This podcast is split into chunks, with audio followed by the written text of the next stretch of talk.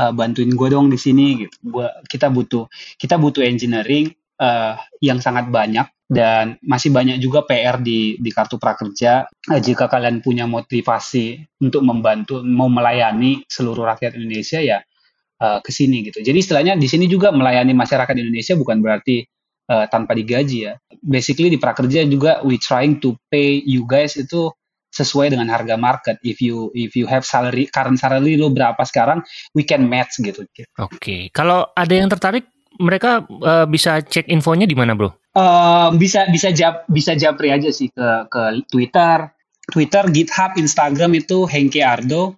Uh, ya Hengki Ardo pakai i, Hengki Ardo A R D O LinkedIn-nya ya di ketika di search aja Hengki si Hombing satu itu kalau kalau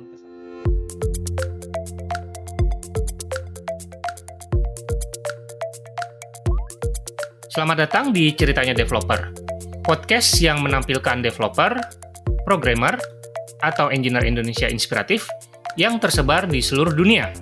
Bersama saya Riza, kita akan menggali bagaimana mereka berjuang, suka dukanya dalam perjalanan karir, hingga kesalahan konyol saat ngoding. Podcast ini diproduksi oleh Deep Tech Foundation, sebuah startup non-profit yang punya misi menyetarakan talenta digital di Indonesia. Dan sekarang kita sudah bersama teman-teman di komunitas nih, udah cukup lama juga. Terus juga uh, developer dulunya, terus uh, pernah jadi founder juga, pernah jadi CTO, terus jadi VP produk, ya cukup lengkap ya. Dan sekarang udah jadi direktur uh, prakerja. Wah, kita sambut aja Pak Direktur Hengki Sihombing. Halo, gimana kabarnya bro? Halo bro, kabar baik, sehat-sehat saja. Gimana sehat kabar saja. di sana? Di sini baik-baik juga Gimana kegiatan terakhir oh. ngapain nih? Kemarin baru pulang apa namanya kayak uh, ada acara kun, dinas dinas lah dinas kerja ke Biak ya Papua hmm, Kabupaten Biak. Di sana uh, di sana di sana kita kayak apa namanya melakukan sosialisasi terus pendampingan daftar lah ya daftar daftar ya, jadi penerima kartu pendaftar jadi penerima kartu prakerja gitu ternyata hmm. kenapa kita kunjungin karena uh, tahun ini uh, dari ya tahun ini kita udah buka gelombang itu dari batch 12 sampai berapa ya? Kemarin 19 berarti ada 7 batch. Itu nggak ada nggak ada pendaftarnya gitu kan tahun lalu itu mereka ada sekitar 5 atau 10 gitu. Nah ini kenapa nggak ada? Akhirnya kita kita coba kunjungin lah. Jadi kita di sana itu kayak buka buka ada 10 booth gitu. Kita undang beberapa pes, uh, warga-warga sana untuk daftar gitu. Dan kita kebetulan juga hari eh, minggu ming, uh, hari kapan tuh? Hari Kamis lalu sampai hari Minggu itu lagi buka gelombang ya prakerja ya lagi buka rekrutmen untuk 800 ribu. Nah itu dari biaknya ada sekitar lumayan sekitar 150 lebih kayaknya yang daftar dan berhasil lolos gitu. Jadi terakhir kerjain ya gitulah. Sekarang hmm. banyak kan ngurusin ngurusin-ngurusin kayak gitu. Jadi istilahnya sekarang kadang kayak kemarin juga ngecek lah kenapa kenapa mereka daftar. Ternyata memang ada beberapa daerah yang agak susah akses internetnya gitu-gitu atau komunikasinya juga mungkin memang nggak nyampe ya. Gitu. Oke, nah sekarang kita ceritanya tarik mundur dulu ke belakang. Uh, awal mulanya lu tertarik uh, ngoding itu kapan dan gimana ceritanya? Iya oke. Okay. Kalau dibilang uh, tertarik ngoding ya, mengenal yang namanya ngoding codingan itu atau bahasa pemrograman itu justru di saat kuliah. Gue pertama kali kenal komput uh, kenal internet bahkan itu di sejak masuk kuliah dan itu ke di Jakarta gitu. Jadi selama gue dari hidup sampai SMA itu gue nggak belum pernah yang namanya kenal internet. Taunya komputer itu ya cuman komputer PC dan itu juga di SMA hanya untuk ngetik ya. Microsoft Word dan lain-lain gitu. Jadi nggak tahu yang namanya internet, nggak ngerti yang namanya bahasa pemrograman, bahasa pemrograman dan yang lain. Jadi yang pertama kali gue tahu itu uh, coding. Uh, ini belum belum interest ya, belum interest itu ya pertama kali kuliah itu di 2000 2005 ya di Jakarta ya. Nah itu pertama kali ngoding, baru dari situ tahu ada internet, baru disuruh bikin bahasa pemrograman, pakai logic-logic gitu, oh gitu. Ya karena mungkin memang udah pendidikannya diambil, memang pendidikan formalnya adalah teknik informatika ya mau nggak mau harus diseriusin. Nah dari situ mulai di semester semester tiga lah baru mulai menarik tuh uh, belajar bahasa pemrogramannya diseriusin ya, mulai bikin kayak aplikasi-aplikasi kecil tuh pakai pakai Pascal, pakai uh, pakai apa lagi COBOL gitu. Dari kalau ditanya dari SD sampai SMA gue nggak pernah bercita-cita jadi seorang, nggak pernah terbayangkan bahwa gue menjadi seorang IT gitu. Karena dulu di mimpi di mimpi gue itu gue pengen jadi seorang uh, orang tua gue pengen gue jadi seorang dokter dan gue pengen jadi seorang uh, arsitek gitu. Sangat jauh banget bertolak belakang. Enggak lah. Tapi akhirnya ya arsitek uh, software kan bisa bro.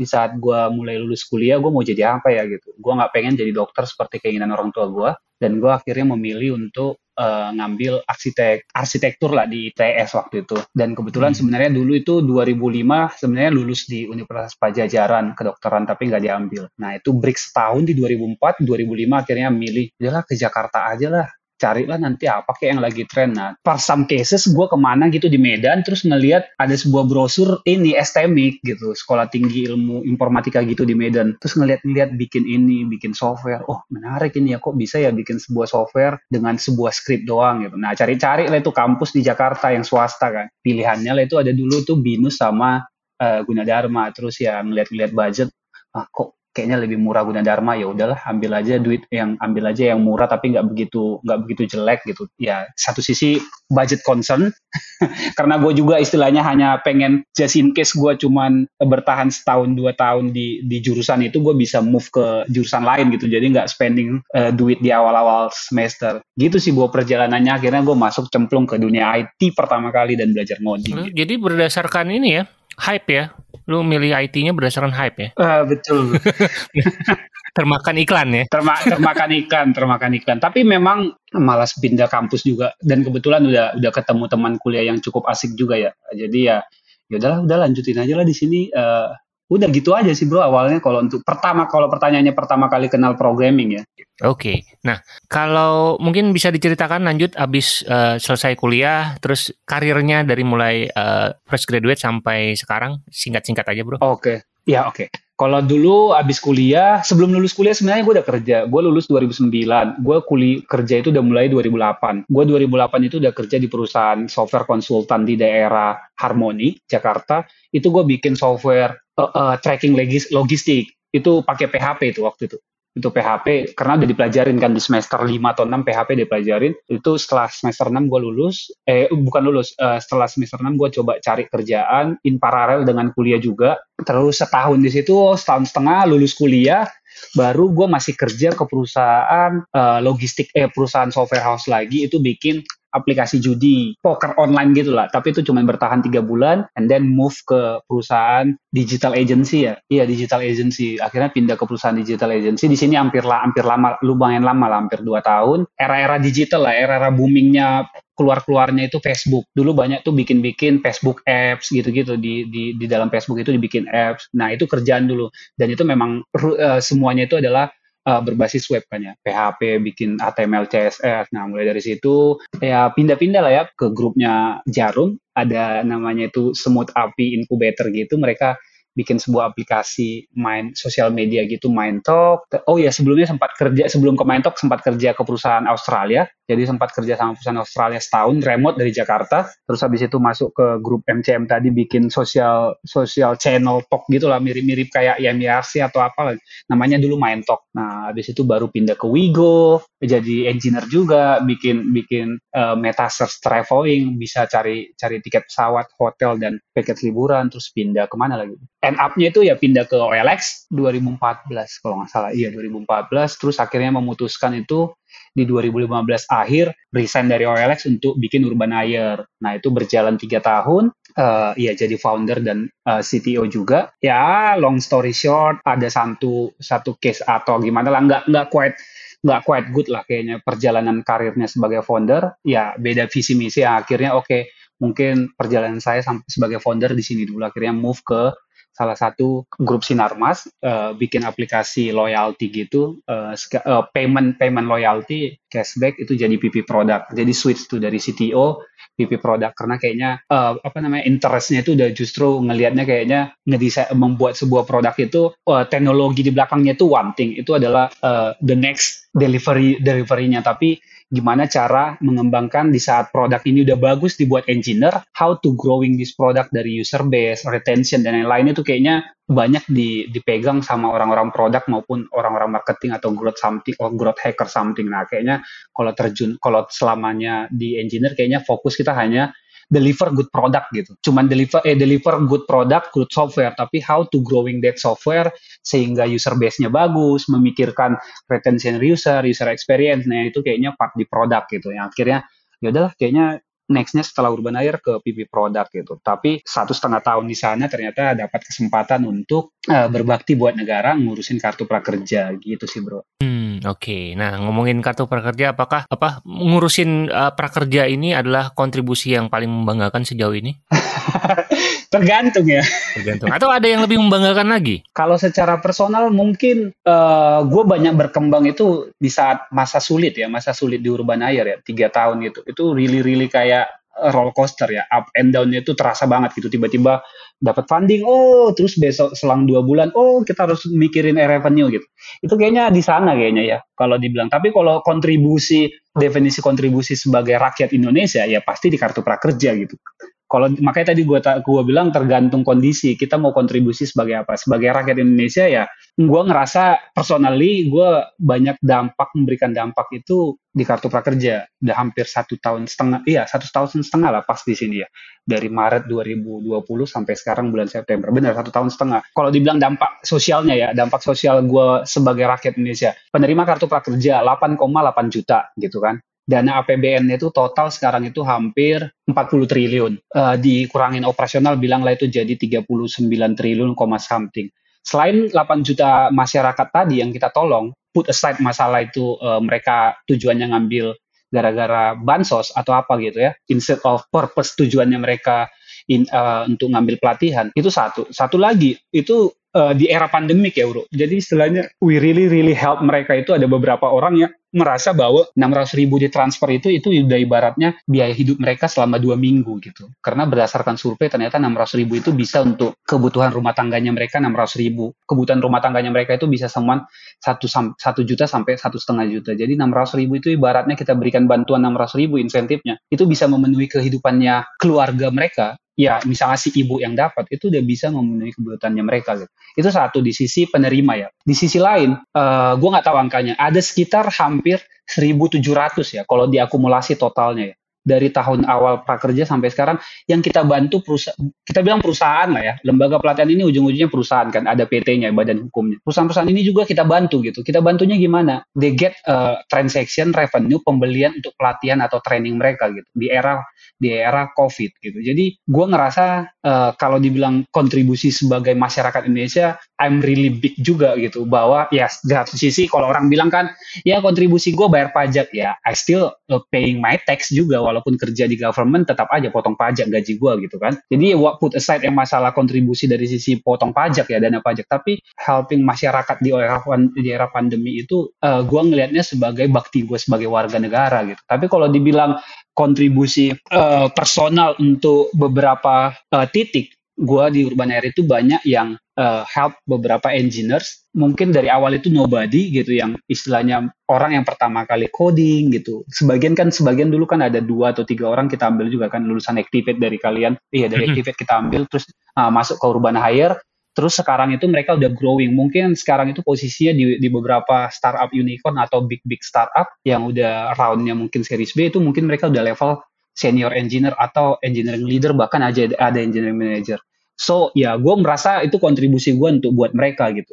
Istilahnya real nyata bahwa uh, personally gue coaching mereka, ambil mereka dari yang sebelumnya mungkin nggak ngerti apa-apa gitu. Karena dulu ya namanya startup kecil ya bro, nge-hiring juga ya pasti kalah lah sama unicorn-unicorn ya. Mau minta gaji mahal manalah sanggup gitu. Ya akhirnya kontribusi gue untuk membantu mereka. Gue ngerasain di situ. Kalau secara personal yang bisa gue banggakan dan banyak pelajaran banget yang gue dapat gitu. Ibaratnya itu kayak gue uh, ngambil M master kali ya, MBA kali. Jadi selama gue kuliah tiga tahun itu ya. Jadi kayak bener-bener langsung diterlempar ke kolam da, uh, ya ke samudra, gue harus berenang sendiri, mikirin revenue, gimana growing startup, ngebayarin payroll, uh, terus bikin produk yang bagus, uh, pitching ke klien, pitching ke, eh, bikin laporan investor. Jadi lumayan banyak gue pelajarin di Urban Air. Kalau dibilang kontribusi, tapi uh, dampak untuk rakyat Indonesia ya nggak bisa nggak ada lah yang bisa ngalahin mungkin dari kartu iya, prakerja iya. ya satu setengah tahun. Hmm, iya iya iya. Activate juga salah satu Dan, yang menerima dampaknya juga nih amin, amin. Wah, senang aja dengarnya kalau kalau banyak yang terbantu. Yeah. Jadi Justru sebenarnya kalau dibilang ya gue kan newbie juga sih di di pemerintahan gini ya. Kalau ngadapin birokrat pemerintahan dan lain-lain itu sebenarnya agak stres sih bro. Makanya kadang kalau ketemu kalau misalnya kita ke daerah ketemu testimoni orang-orang di daerah itu ya, jadi benar-benar kita datangkan, kita kunjungin mereka, kita ya misalnya kita suruh datang, ada yang kita suruh datang ke ke eventnya kita terus ngomong, itu kadang kita kayak uh, terbayarkan gitu, kayak kerja kerasnya gua di sini, kerja keras tim engineer di sini gitu, kerja tim di sini yang susah payah tiap tiap hari harus banting banting tulang untuk mikirin supaya anggarannya benar dikelola, supaya tata kelolanya benar sehingga nggak nggak ada yang negara yang dirugikan dan lain-lain. Itu kayak terbayarkan gitu lelahnya itu kalau udah dengar uh, apa namanya testimoni anak-anak itu bahwa iya terima kasih. Apalagi yang di daerah-daerah timur ya. Uh, uh, yang ibaratnya mereka kayak mimpi aja gitu bahwa they have uh, this equal access gitu equal access mereka bisa akses plat aksesnya adalah satu internet mungkin iya. Satu lagi adalah equal access yang mereka dapatkan di saat mereka mendapatkan pelatihan apa yang mereka dapatkan di dari daerahnya mereka misalkan di di Biak, di Sulawesi Utara dan ujung-ujung sana lah gitu di di Papua dan lain-lain gitu di NTB, NTT, Lombok dan lain-lain gitu yang mungkin pelatihan yang mereka dapatkan itu mungkin akan, akan sangat jarang mereka dapatkan kalau nggak online ya. Mereka bisa menyicipin pelatihan yang sama yang dirasakan oleh orang Jakarta juga, kota-kota besar gitu, Bandung, Surabaya, Medan. Ya pasti itu itu aja kan yang selama ini yang hmm. mungkin mendapatkan pelatihan yang layak gitu. Jangankan dibilang ya jangankan pelatihan ya bro, eh, namanya pendidikan kan gitu juga guru-guru di daerah sana kan mungkin kualitasnya juga sangat jauh kan dengan kualitas di yang di Jakarta gitu. Jadi okay. gue ngerasa yang penyemangat gue kayaknya itu ya. okay, okay. Nah kalau sebaliknya uh, yang pengalaman yang memalukan ada gak sih? Pengalaman yang memalukan itu ketahuan bikin startup saat uh, jadi employee? uh, itu sebenarnya nggak memalukan ya. Cuman iya bisa dibilang memalukan tapi sesuatu yang membanggakan mungkin ya. Kalau misalkan nggak ketahuan nggak akan jadi juga urban air. Mungkin yang memalukan itu adalah yang memalukan yang memalukan adalah di saat gue oke okay, yang memalukan pertama kali adalah di saat gue pernah itu di invite ke uh, Y Combinator, kita nggak bisa jawab. Ada ada ada satu atau dua pertanyaan yang kita nggak bisa jawab. Itu itu kita sangat sangat shock banget sih. Jadi istilahnya yang yang extremely benar-benar disayang sangat disayangkan gitu. Mungkin mungkin kalau kita dulu bisa bisa sedikit saja menjawab pertanyaannya mereka itu, mengeksplain dan mengelaborasi sedikit, mungkin akan beda cerita kali ya uh, untuk pendanaan ataupun uh, urban air itu seperti apa jadinya gitu sih. Apa tuh pertanyaannya? Satu gini, uh, pertanyaannya sebenarnya simple banget tapi unexpected bro. Kayak dibilang gini adalah uh, how urban air to be a 10 billion dollar company gitu lu bayangin nggak nggak pernah nggak pernah terbayangkan dan unexpected gitu.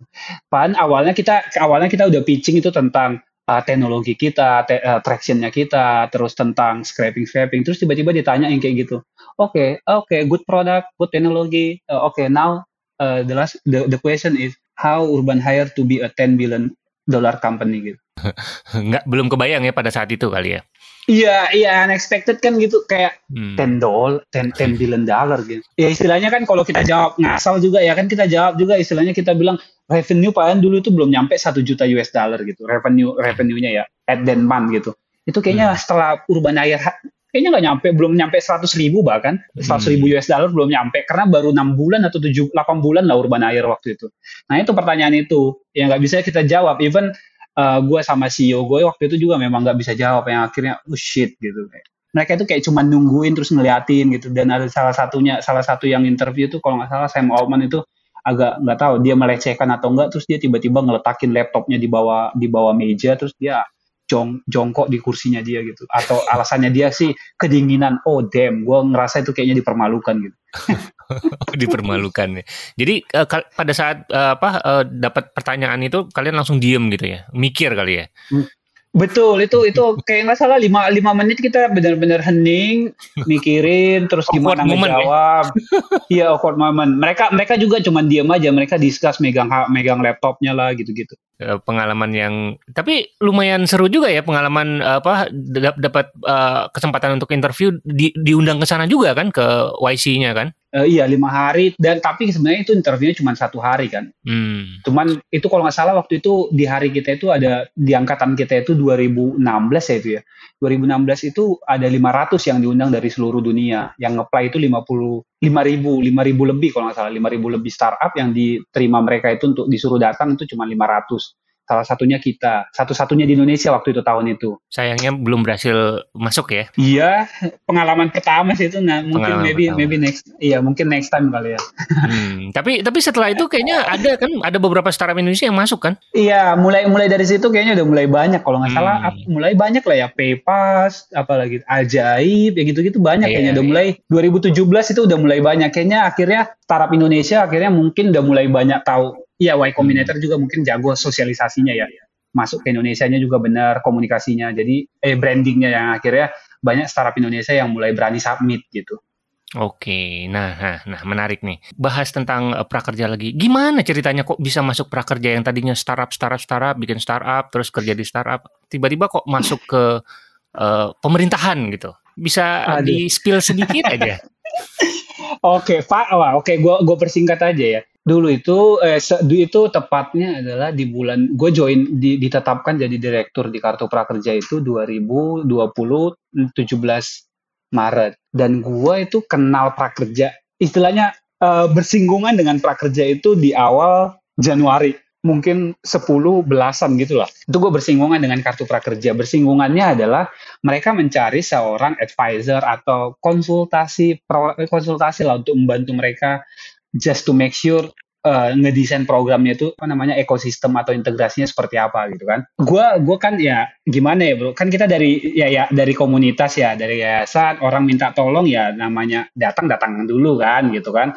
Ya namanya juga mau membangun Indonesia kan kita dulu kita kan di di Diptek juga kan saat itu. Jadi akhirnya dikontak ya udah gue datang. Dikontak itu dulu dari tim KSP kantor staf presiden. Dikontak akhirnya gue ketemuan lah itu. Nah ketemuan ditanya-tanya dipresentasiin lah aplikasi di, di, dipresentasikan lah skema-skema skemanya seperti apa kartu program kartu prakerja. Delapan puluh persen mirip lah seperti sekarang ya. Mirip seperti sekarang yang didesain kartu prakerja itu. Nah, akhirnya gue bantu, oke okay, kayak gini gini gini gini gini. Udah gue bantu gitu aja bro, gue jelasin harusnya begini bu, begitu begitu gitu. Udah akhir dari situ kayaknya uh, eh, gue istilahnya ngelihat ini apa oh ternyata ngerjain ini projectnya si program uh, janji kampanyenya si Pak D gitu kan oke okay, udah I'm not having interest untuk join juga kan. Istilahnya ditawarin mau nggak mas nanti untuk ini bantu-bantu kita full time. Oh jadi apa?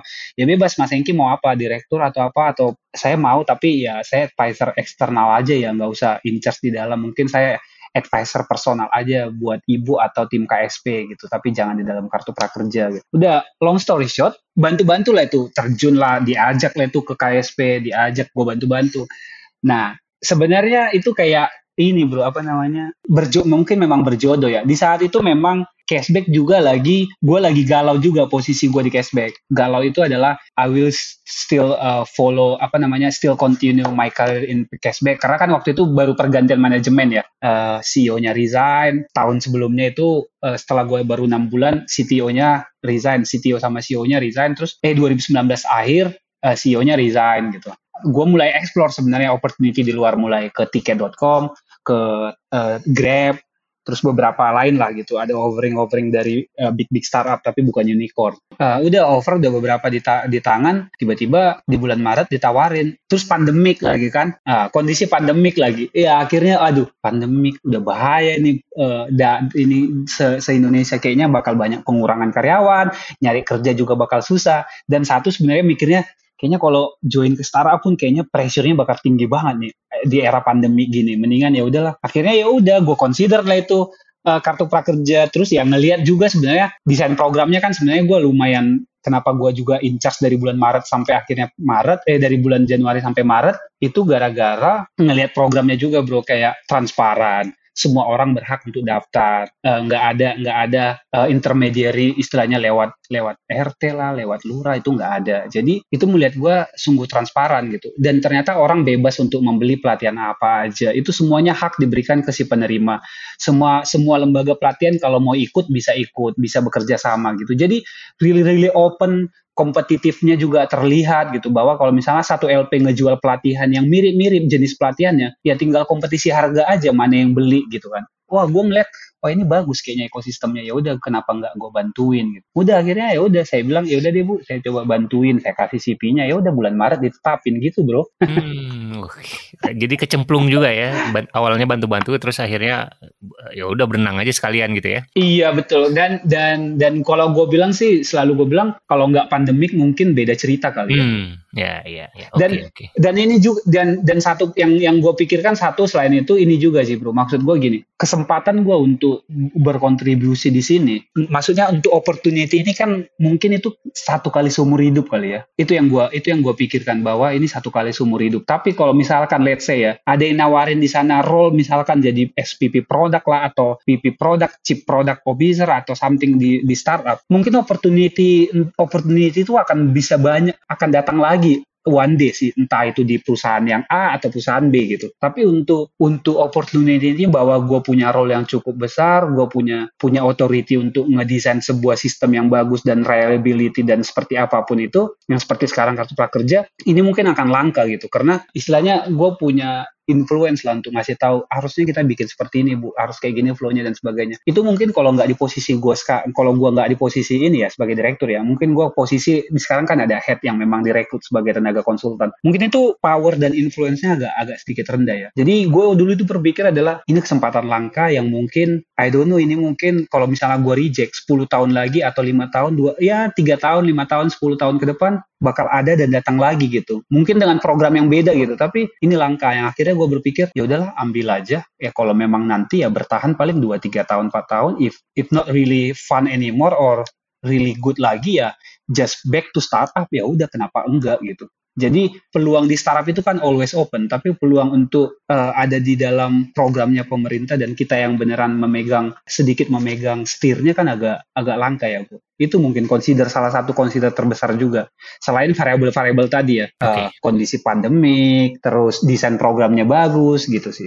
Nah, kalau ini kan yang mendengarkan kita kan banyak kan developer nih punya saran nggak atau punya advice nggak lesson learn kalau mereka misalkan mau bikin startup, mau bikin produk digital dan uh, sebagainya? Kalau gue bisa kasih kasih saran ya, belajar dari pengalaman. Mungkin developer-developer sekarang itu lebih bagus.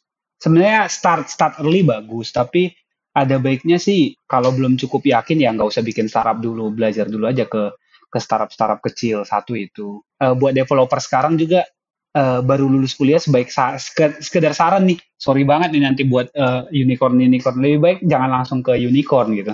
Itu saat itu sekedar saran. Karena di saat kita terjun ke startup yang benar-benar ya setidaknya setahun setahun satu setahun eh, satu tahun lebih aja gitu. Satu tahun atau satu setengah tahun itu pengalaman yang berharga banget akan dipelajarin ya. Kalau kita terjun ke salah satu startup yang yang bukan unicorn atau kita bisa kontribusi dan uh, banyak melakukan sesuatu hal di sana gitu. Jadi istilahnya kontribusi kita juga besar banget gitu. Uh, di situ kita akan belajar banyak gitu. Karena di saat kita masuk ke perusahaan yang unicorn, memang they, they have so many problem. Tapi mungkin kalau karena kita junior kan pasti yang dikasih juga small things small things ya.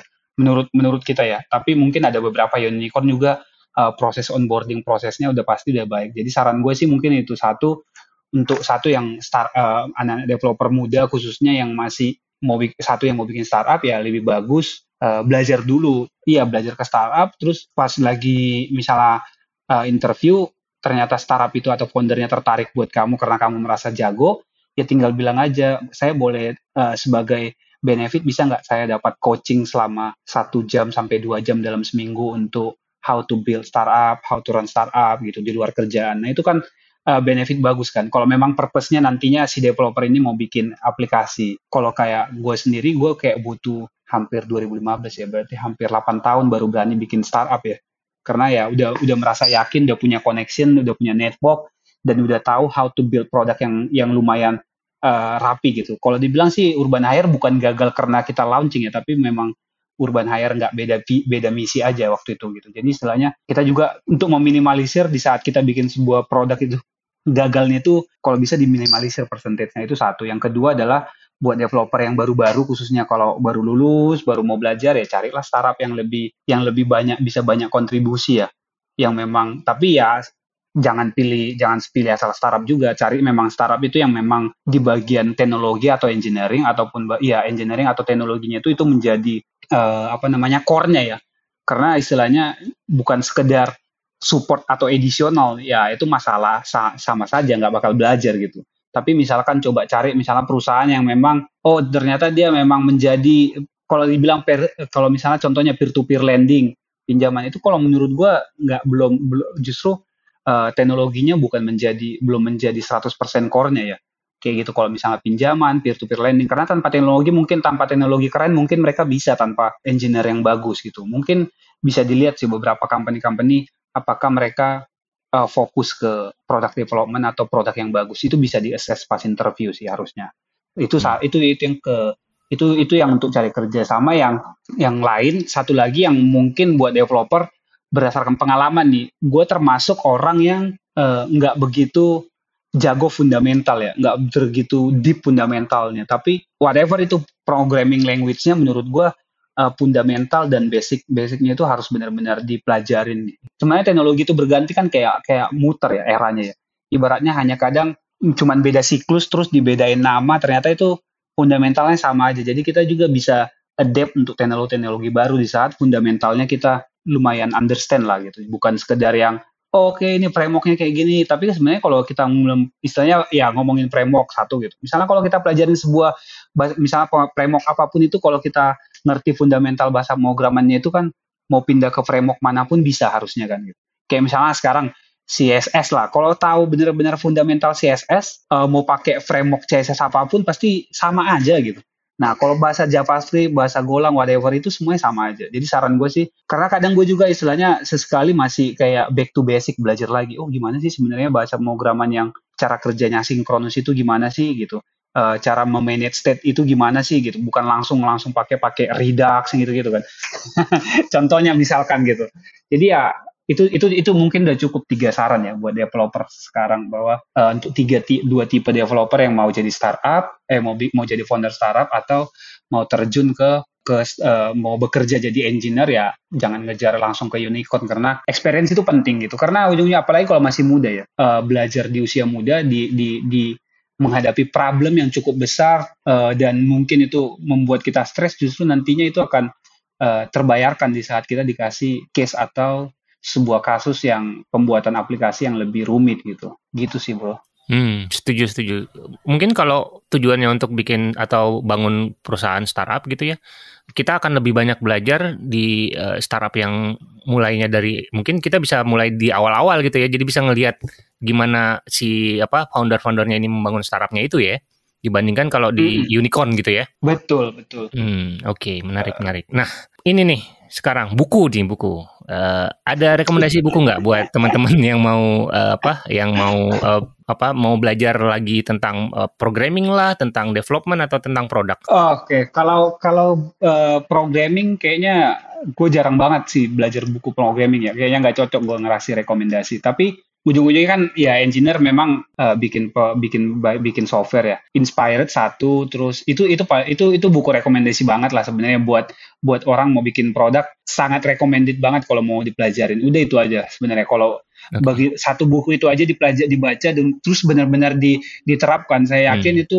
uh, tingkat kegagalannya akan berkurang sih. Jadi istilahnya bahwa karena kayak gini ada produk yang bagus akhirnya gagal. Itu berarti bukan produknya yang salah. Mungkin bisnis modelnya atau uh, tim salesnya atau tim marketing whatever lah itu yang di sana gitu. Dengan ngikutin buku itu kemungkinan besar kita akan membuat sebuah produk yang uh, bagus. Nah, tinggal kalau di buku itu kan diajarin juga bahwa uh, even sebelum bikin produk pun kita udah harus tahu bahwa ini nanti akan dipakai gitu bahwa produk yang kita bikin ini memang bakal dicintain user gitu. Di saat produk itu dicintain, uh, misalkan versi uh, jumlahnya kecil, itu ya memang udah kepake. Kalau misalkan ternyata yang makainya dikit, ya ini mungkin problemnya adalah mungkin dari sisi growth hackingnya lah, marketingnya, retentionnya dan sebagainya. Nah, menurut gue dari buku itu kita bisa belajar banyak sih. Karena itu itu buku yang gue pelajarin Uh, di saat gue uh, ini sebenarnya bocoran belum pernah gue kasih tahu justru itu buku yang gue pelajarin sebelum di saat gue baru pertama kali masuk jadi PP produk di cashback sih Iya oke, okay. wah menarik sekali. jadi kan, ya jadi maksudnya kan selama sebelum gue istilahnya gue ngurusin jadi benar-benar orang produk secara sesungguhnya jadi orang produk tanpa memikirkan bahwa itu susah atau enggak bikinnya gitu. Uh, itu kan harus gue buang objektif itu ya. Sebagai orang produk kan kita kadang nggak usah mikirin how to deliver kan, tapi adalah kita make sure sebagai orang produk itu bahwa yang kita minta engineer untuk deliver fitur ini itu harus harus kepake gitu. Kan itu yang tugasnya orang produk gitu. Bukan memikirkan bahwa ya satu memang memikirkan susah atau itu akan bisa dibikin atau enggak. Tapi yang buat gue itu tugasnya orang produk itu adalah memastikan apa yang dikerjakan si engineer itu nggak jadi barang sampah nantinya gitu. Nah itu jadi istilahnya si engineering udah capek memastikan bahwa oke okay, harus jalan no bugs fiturnya bekerja tapi di saat rilis nobody use the features gitu kan jadi sayang kan gitu maksud gua tugasnya orang produk adalah memastikan apa yang dikerjakan si engineering itu mereka di dapur ngoding dan lain-lain itu nanti di saat rilis itu nggak jadi barang sampah nah di buku itu diajarkan bro gitu, gitu sih bro Oke, wah menarik bukunya nih. Harus baca ya teman-teman semua ya. Oke, pesan penutup sebelum kita udahan. Kalau pesan penutupnya sih uh, bantuin gue dong di sini gitu. Gua kita butuh kita butuh engineering uh, yang sangat banyak dan masih banyak juga PR di di kartu prakerja untuk uh, untuk memperbaiki sistemnya. Khususnya kayak tadi dibilang sebenarnya yang kita bantu itu nggak cuman nggak cuma lembaga uh, nggak cuma peserta masyarakat dan kalau misalkan ya kalau misalkan startup startup unicorn jual dampak bahwa mereka membantu uh, pedagang kaki lima lah rakyat rak, uh, warung-warung kecil kita justru membantu orang yang selama ini nggak pernah mendapatkan bantuan gitu bahkan kita ada yang bayangin nggak coba teman-teman kalau misalnya mau lihat coba Google sekarang Kabupaten Biak gitu terus lihat di Google Map itu di mana posisinya nah itu kebayang nggak bahwa uh, produk yang kalian bikin dipakai sampai orang di ujung pulau sana gitu. Terus mereka mengakses kartu prakerja, menikmatinya dan selama ini mungkin uh, sejak mereka hidup mungkin mereka nggak pernah itu terakses bantuan program pemerintah gitu. Jadi uh, jika kalian punya motivasi untuk membantu, mau melayani seluruh rakyat Indonesia ya uh, ke sini gitu. Jadi istilahnya di sini juga melayani masyarakat Indonesia bukan berarti uh, tanpa digaji ya. Basically di prakerja juga we trying to pay you guys itu sesuai dengan harga market. If you if you have salary current salary lo berapa sekarang, we can match gitu. Cuman memang uh, nanti ada prosedur cara pembayarannya itu memang agak sedikit berbeda seperti di swasta, tapi we can match your salary gitu sesuai dengan harga market because we need kita membutuhkan engineering yang bagus-bagus untuk uh, help people di seluruh Indonesia gitu sih. Jadi satu itu. Jadi kalau seperti pesan gue, seperti alasan gue juga join ke prakerja bahwa kesempatan untuk membantu, kesempatan terbuka dan berinovasi sebebasnya itu ada di, di prakerja hanya sekali buat gue karena gue nggak akan mungkin bisa jadi nggak akan dapat kesempatan ini base bebas sebebas bebasnya gue mau berinovasi apa pun di kartu prakerja itu di istilahnya mau berinovasi apa pun di kartu prakerja bebas banget di sini nggak ada nggak ada itu hal-hal yang sangat terlalu birokrasi gitu. Karena makanya kita sering dibilang startupnya uh, startup pertamanya government. Jadi buat teman-teman kalau memang mau bantu uh, kesempatannya terbuka banget karena kesempatan untuk join ke startup, ke perusahaan swasta itu selalu terbuka. Tahun ini mau resign, besok join lagi bisa karena they, they need you guys uh, the good engineer juga kan di swasta. Nah, itu balik sama juga dengan di kita di di kartu prakerja kita butuh kalian. Mungkin itu sih. Jadi we need help. Gitu. Oke, okay. kalau ada yang tertarik, mereka uh, bisa cek infonya di mana, bro? Uh, bisa bisa jap bisa japri aja sih ke ke Twitter, Twitter, GitHub, Instagram itu Hengki Ardo. Uh, ya Hengki Ardo pakai i, Hengki Ardo A R D O. LinkedIn-nya ya di ketika di search aja Hengki Sihombing satu itu. Kalau kayak tadi gue bilang ah, karena ini kan APBN ya, pengadaannya itu nggak bisa kayak kayak posting di job street terus we need people gitu kan. Nggak bisa gitu. Karena nanti prosedur ngerekrutnya itu harus ngikutin standar uh, apa namanya me merekrut pengadaan barang dan jasa gitu. Tapi nggak sesi nggak serumit itu. Tapi istilahnya kita nggak bisa posting job bahwa we are open. Karena memang kita itu benar-benar full 100% masih pakai APBN. Oke, berarti harus lewat jalur orang dalam ya. uh, le lebih lebih tepatnya adalah proses submitnya itu submit proses ya submit lewat ya proses submit CV ini nanti kita jadwalin terus di, di dokumennya di kita kirimin satu-satu gitu terus habis okay. itu diverifikasi gitu-gitu sih sebenarnya hmm. sama sebenarnya mirip-mirip mirip ngerekrut tapi nggak ada nggak ada iklan jobnya gitu doang. Oh, oke. Okay. Berarti kalau ada yang tertarik langsung japri aja nanya-nanya dulu. Iya. Ya, oke. Okay. Ah, nanti nanti role-nya apa aja kita kasih tahu. Oh iya kita butuh ini. Sebenarnya kita kita butuh semuanya sih. Kalau dari sisi engineering ya back end uh, dari semua level ya. Dari semua level sampai level engineering manager, software engineer, front and back end, DevOps, designer, product manager, semuanya kita ada sih. Dan teknologinya juga kekinian juga kan ya? Iya dong, uh, iya betul dong. lah. Karena kan kita melayani seluruh rakyat Indonesia. Kita yeah. kita istilahnya berusaha anti down ya. anti walau, down. Walau iya walau walau negara api menyerang, prakerja website kartu prakerja harus selalu up gitu. Mantap mantap. Oke deh kalau gitu uh, terima kasih banyak udah mampir-mampir di podcast ini. Uh, sukses terus untuk karir dan kehidupan. Oke, makasih Bro Riza udah di invite.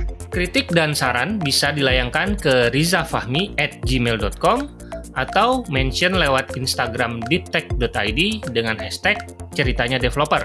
Jangan lupa support podcast ini dengan berdonasi lewat karyakarsa.com slash rizafahmi atau beli merchandise ceritanya developer di www.ciptaloka.com slash plus rizafahmi.